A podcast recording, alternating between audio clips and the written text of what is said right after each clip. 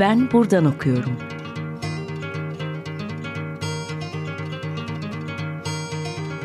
Edebiyat ve başka şeyler.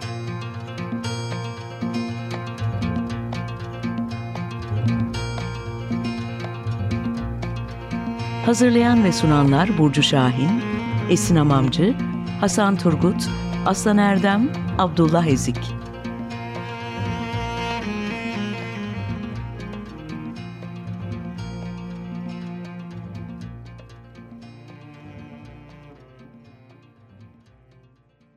Herkese merhaba.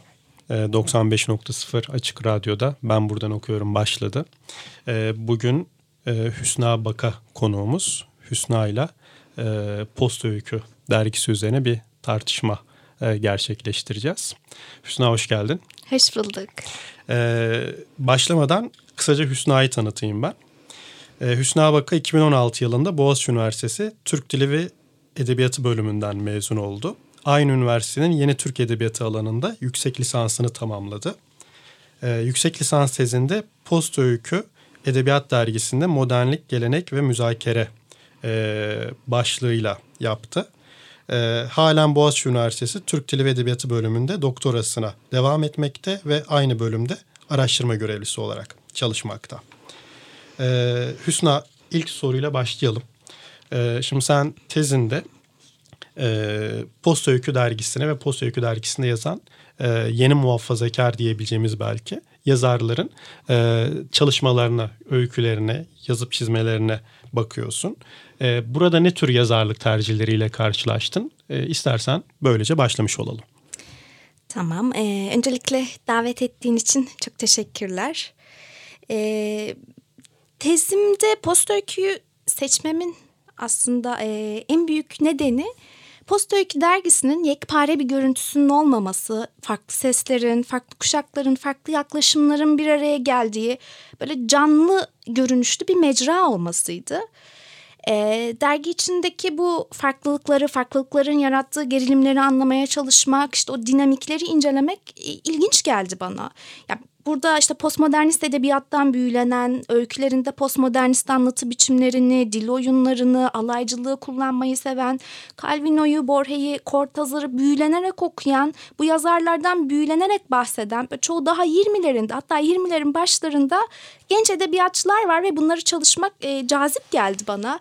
Yani hatta biraz bu kuşağa sempati duyduğumu da e, saklamayacağım. Hı hı. E, bu genç öykücüler hem postmodernist anlatı tekniklerini kullanıyorlar hem de postmodernizm hakkında düşünüyorlar. Postmodernizmin kendileri için bir olanak olup olmadığını tartışmaya açıyorlar.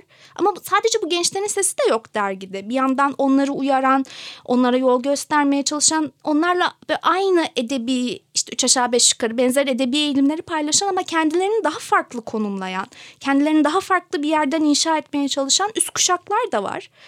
ee, gençler postmodernizmin sunduğu müphemliğin, geçişkenliğin, bir arada oluşların, çoğullukların bulunduğu o çerçeveyi heyecanla karşılıyorlar ama üst kuşak daha temkinli. Böyle sınırların belirsizleşmesini bir tehdit olarak görüyorlar.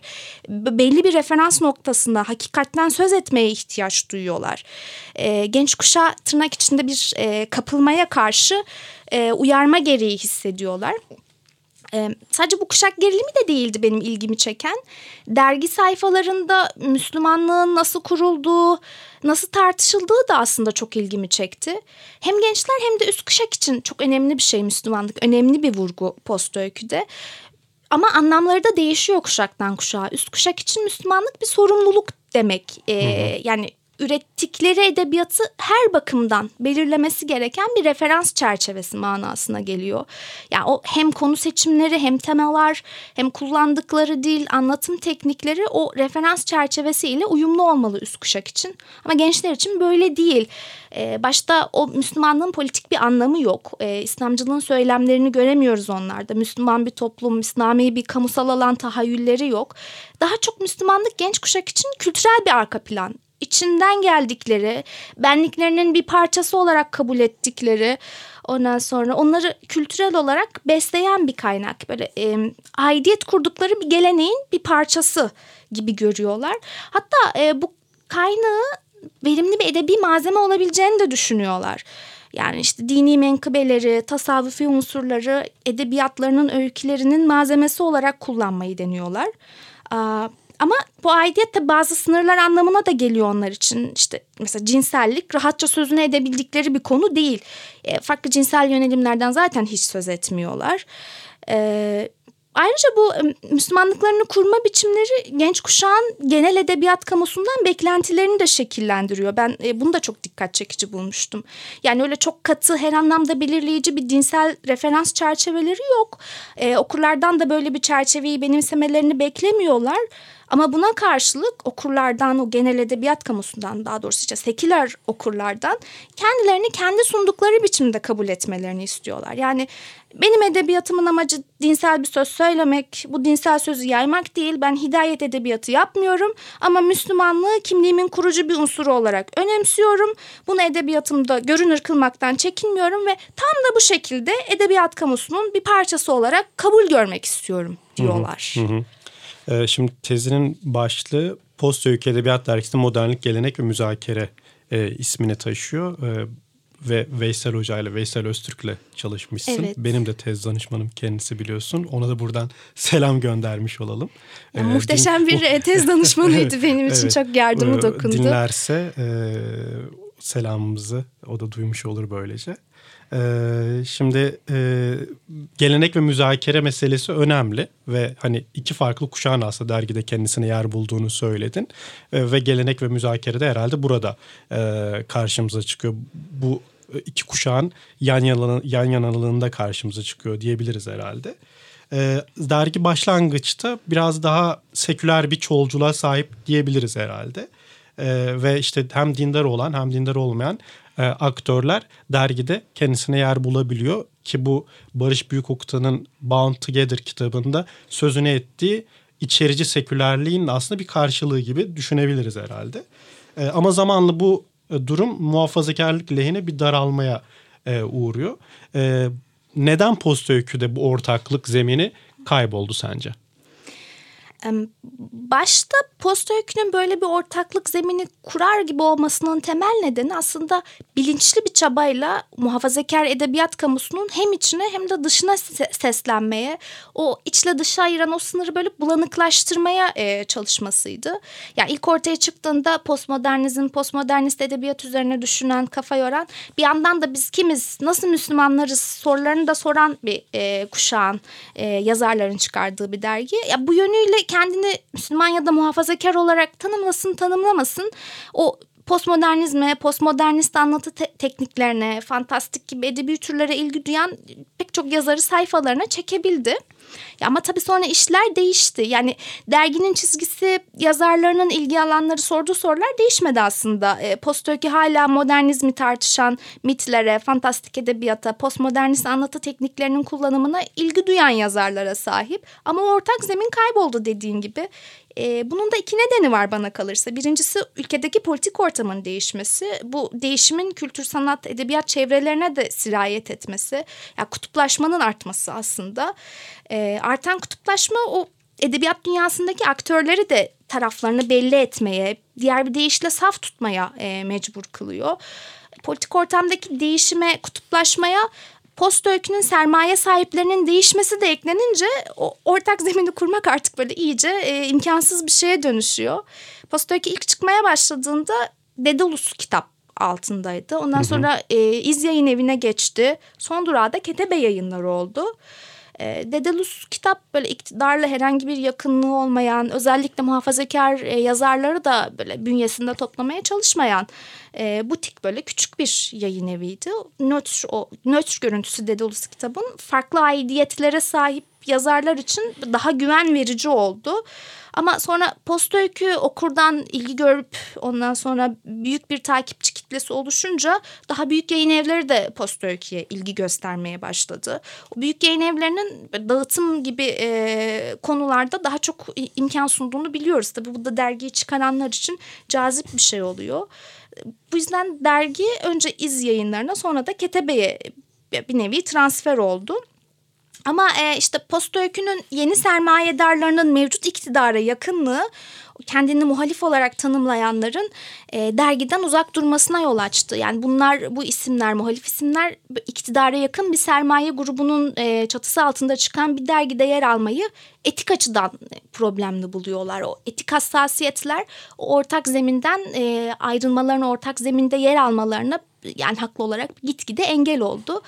Dolayısıyla da işte o e, ortak zeminin kaybolmasını, kurulma imkanının gitgide azalmasını görür olduk. Ya aslında bu biraz şeye benziyor. Hani ikinci yeninin 50-60 aralığı belki 56-60 aralığındaki yan yanalığının işte müşterek zemininin 60 darbesinden sonra giderek e, kopuşa e, evrilmesi gibi bir sürece benziyor. İşte Sezai Karakoç ve Cemal Süreyya dostluğunun e, zamanla e, yer yer hasımlığa da varan bir e, sürece evrilmesi e, durumuna benziyor. Onu söylemek mümkün. Yine e, belki Cahit Zarifoğlu'nun e, işte e, Ebu Bekir Eroğlu gibi isimlerin Papyrus'teki e, mevcudiyetleri de e, böyle bir zeminin olduğunu e, bize söylüyor. Yani ülkenin tarihinde böyle anlar var hakikaten. Yani dindar aktörlerin, dindar olmayan aktörlerin yan yana geldiği anlar var ama bunlar bir yerde kutuplaşma arttıkça herhalde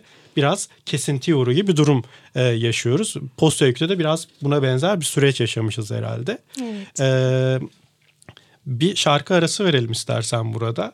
E, ne çalmamızı istersin bugün? E, Sezen Aksu'dan dinleyelim. Ayar. Tamam dinliyoruz. Tekrar merhaba. Ben buradan okuyorum. Konumuz Hüsna Bakay'la devam ediyor. Ben Hasan Turgut. Bugün Posta Öykü dergisini konuşuyoruz kendisiyle. Şimdi Hüsna e, Posta Öykü yazarlarına baktığımızda e, bu yazarlarda bu, sürekli uğraştıkları iki temanın ön plana çıktığını görüyoruz. Biri kutsal, öteki de gelenek. E, ve tabii bu tartışmalar esnasında modernlik eleştirisi çok büyük bir yer kaplıyor yazarların metinlerinde. E, ve modernlik yerine sürekli postmodernizmle uğraştıklarını hem düşünsel anlamda hem anlatı teknikleri bakımından postmodernizmden e, yardım aldıklarını görüyoruz bu yazarların. E, hem bu bize ne söylüyor hem de bu kuşakların işte Necip Fazıl gibi, Karakoç gibi, e, Cahit Zarifoğlu gibi, Özden Ören gibi isimlerle e, nasıl e, ilişkiler kurduğunu konuşalım istersen. E, incelediğim genç kuşağın o önceki kuşaktan aslında en büyük farkı e, hani kendilerini sunuş biçimlerinde o İslamcılığın politik söylemlerini terk etmeleri, e, Müslüman bir toplum, işte Müslümanca bir kamusal alan, devlet tahayyülleri olmaması ya da bunu hiç öne çıkarmamaları. Zaten kendilerini de İslamcı olarak tanımlamıyorlar. Yani e, belki de kendilerini tanımlarken kullandıkları en net ifade, üzerinde uzlaştıkları yegane kimlik tanımı ya İslamcı olmadıkları. E, bunun dışında Post öyküde bir araya gelen genç kuşak İslam dininin kutsallarına hem edebiyatlarında hem de dünyaya bakışlarında öyle çok da ayrıcalıklı bir yer atfetmiyor aslında. E, Müslümanlığı böyle içine şamanizmi, farklı mistisizm biçimlerini hatta dinsel olmayan unsurları da dahil ettikleri daha büyük bir geleneğin bir parçası olarak görüyorlar. Böyle e, doğuya ait kabul ettikleri daha büyük bir geleneğin bir parçası. Ya evet hani bu e, doğu vurgusu da eski kuşaklarla aralarındaki bir ortak nokta ama o doğuda sembolleşen şeyler yeni kuşakta daha farklı e, tarihsel, toplumsal, politik bir tahayyül değil. Biraz, biraz masalsı, biraz büyümsü, biraz irfani bir şey post öykünün genç yazarları için o doğunun e, çağrıştırdıkları. Ya evet hani postmodernlik e, modernlik eleştirilerinin çıkış noktalarından biri modernliğin dinsel olanı dışlaması. Ama bunu sadece İslam özelinde algılamıyorlar. E, modernliği eleştirirken genel olarak bir büyütiminden, e, kutsalın yerinden edilmesinden söz ediyorlar. Bundan duydukları hoşnutsuzluğu e, ifade ediyorlar. E, bu bakımdan modernliği böyle bir e, kısıtlılık haliyle hatta körlükle bir tutuyorlar. E, bir de e, o eski İslamcı kuşaktaki gibi İslam dinini akılcı, e, sistematik bir din olarak sunma, tahayyül etme eğilimi post öykünün genç yazarlarında hiç yok. Ya aksine hatta e, İslam dinini onlar için böyle cazip kılan, edebi bir malzeme olarak e, düşünmelerini sağlayan şey tam da o İslami unsurları büyülü bulmaları. Bir de yani kendilerini aslında ne düşünsel ne de edebi olarak eski kuşağı İslamcı edebiyatçılara, İslamcı edebiyat dergilerine eklemlemiyorlar. Mesela onlara sorsanız kendinizi maveraya mı hayalet gemiye mi yakın buluyorsunuz? Tabii ki hayalet gemi derler. evet ilginç. Ee, ki ya zaten e, o modernlikle hesaplaşan yazılarda genç kuşağın yazdığı o saydığın isimlerin hiçbirine referans vermiyorlar. Ne Necip Fazıl'dan ne Sezai Karakoç'tan ne de Cahit Zarifoğlu'ndan söz ediyorlar. Ee, modernlikle e, hesaplaşan bir pozisyon alırken böyle kendi tavırlarını güçlendirmek için post yapısalcı düşünürlere gidiyorlar. Foucault'a, Derrida'ya atıf yapıyorlar. Ama tabii bunun genç kuşağın tavrı olduğunu da özellikle söylemem lazım. Dergide kendine yer bulan eski kuşak böyle bir pozisyona sahip değil. Ee, burada tabii o eski kuşağın e, en fazla öne çıkan isimlerinden birinden Cemal Şakar'dan özellikle söz etmem lazım. E, Cemal Şakar da deneysel edebiyata e, işte ilgi duyuyor. Postmodernist teknikleri kullanıyor. Bu bakımdan genç kuşakla böyle çokça ortak noktası var. Ama edebiyata bakışı, edebi üretimi anlamlandırma biçimi aslında o e, eski İslamcı kuşağa daha çok benziyor. Zaten e, gençliğinde de Mavera ekibi içerisinde yer almış birisi.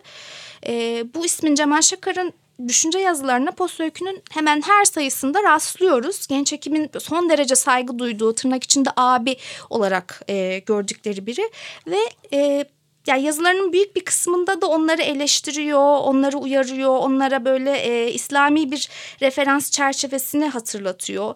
Gençlerin o merkezi İslam olmayan gelenek anlayışını da eleştiriyor. Müslümanlığı kültürel bir repertuar olarak kavramalarını da eleştiriyor.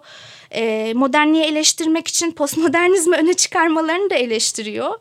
E, yani diyeceksin hani tutumları bu kadar farklı neden bu isime yer veriyorlar. İşte o da tam da hani benim tezimde söylemeye çalıştığım müzakereyle e, alakalı bana kalırsa. Yani o genç kuşak evet İslamcı çizgiden e, uzaklaşmış, farklılaşmış ama tam olarak kendini de ayıramıyor. Bir, bir şekilde bağı Cemal Şakar gibi aracı isimlerle muhafaza etmeye çalışıyor. Hı hı.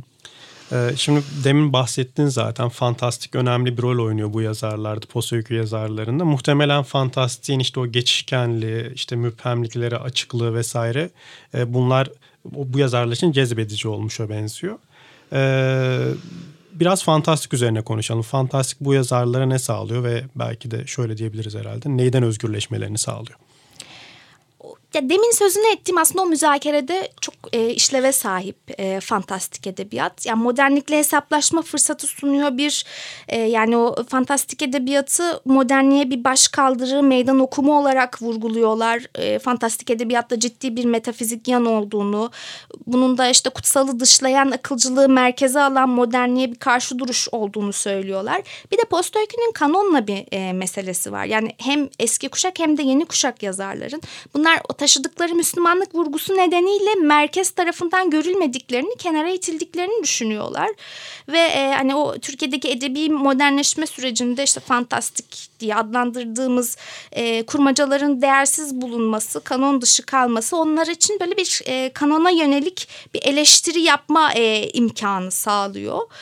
E, bir de aslında yani eski kuşakla da fantastik üzerinden bir müzakere sürdürebiliyorlar. Eski kuşak e, modernist edebiyatı e, aslında takdir eden e, o fantastik edebiyatı gençlerin ürettiği böyle düşsel metinlerden daha kıymetli bulan bir konuma sahip. O modernlik eleştirisi onların eski kuşakla yeni kuşağın bir yerde ortaklaşmasını sağlıyor. E, fantastik edebiyatta buldukları bir de ikinci büyük bir olanak var. O da yani hem e, geleneği hem de dinsel olanı bu sayede kendi kavradıkları gibi yansıtma imkanı bulmaları, edebiyatlarının bir parçası yapma imkanları e, bulmaları.